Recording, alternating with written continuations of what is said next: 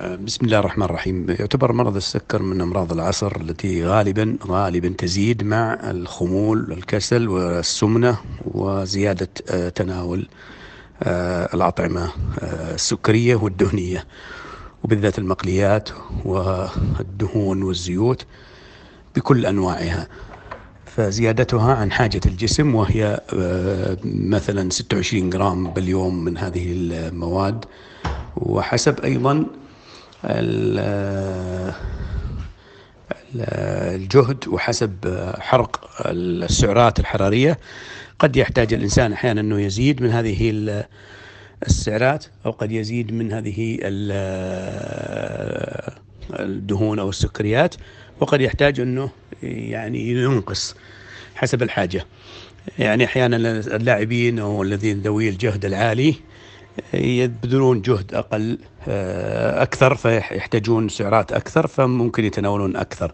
لكن الخامل الكسول الجالس في مكانه آه، يحتاج إلى أقل من ذلك. فبالتالي يعني لابد أن يكون لديه آه، تحفظ في الكمية كمية السعرات الحرارية وكمية السكريات والدهون. وبالتالي لو حصلت السمنة قد يحصل سكر يسمى النوع الثاني في بدايته آه، زيادة آه، كتلة الجسم عن آه، عن أو نقص الأنسولين الذي يغذي هذه الكتلة مثلا أو الذي يحرق. وبالتالي يحتاج الإنسان أنه يخفض وزنه. كل تخفيض في الوزن 10 كيلو جرام 10 بالمية من وزنه يعني 10 كيلو جرام اللي وزنه 100 قد يزول مرض السكر تقريبا اللي هو النوع الثاني لسنوات كثيرة. يمارس الرياضة أقل شيء 40 دقيقة في اليوم أقل شيء 40 دقيقة في اليوم. آه، تقريبا أو 30 دقيقة يعني مجموعة دقائق في الأسبوع لا تقل عن 160 170 دقيقة في الأسبوع.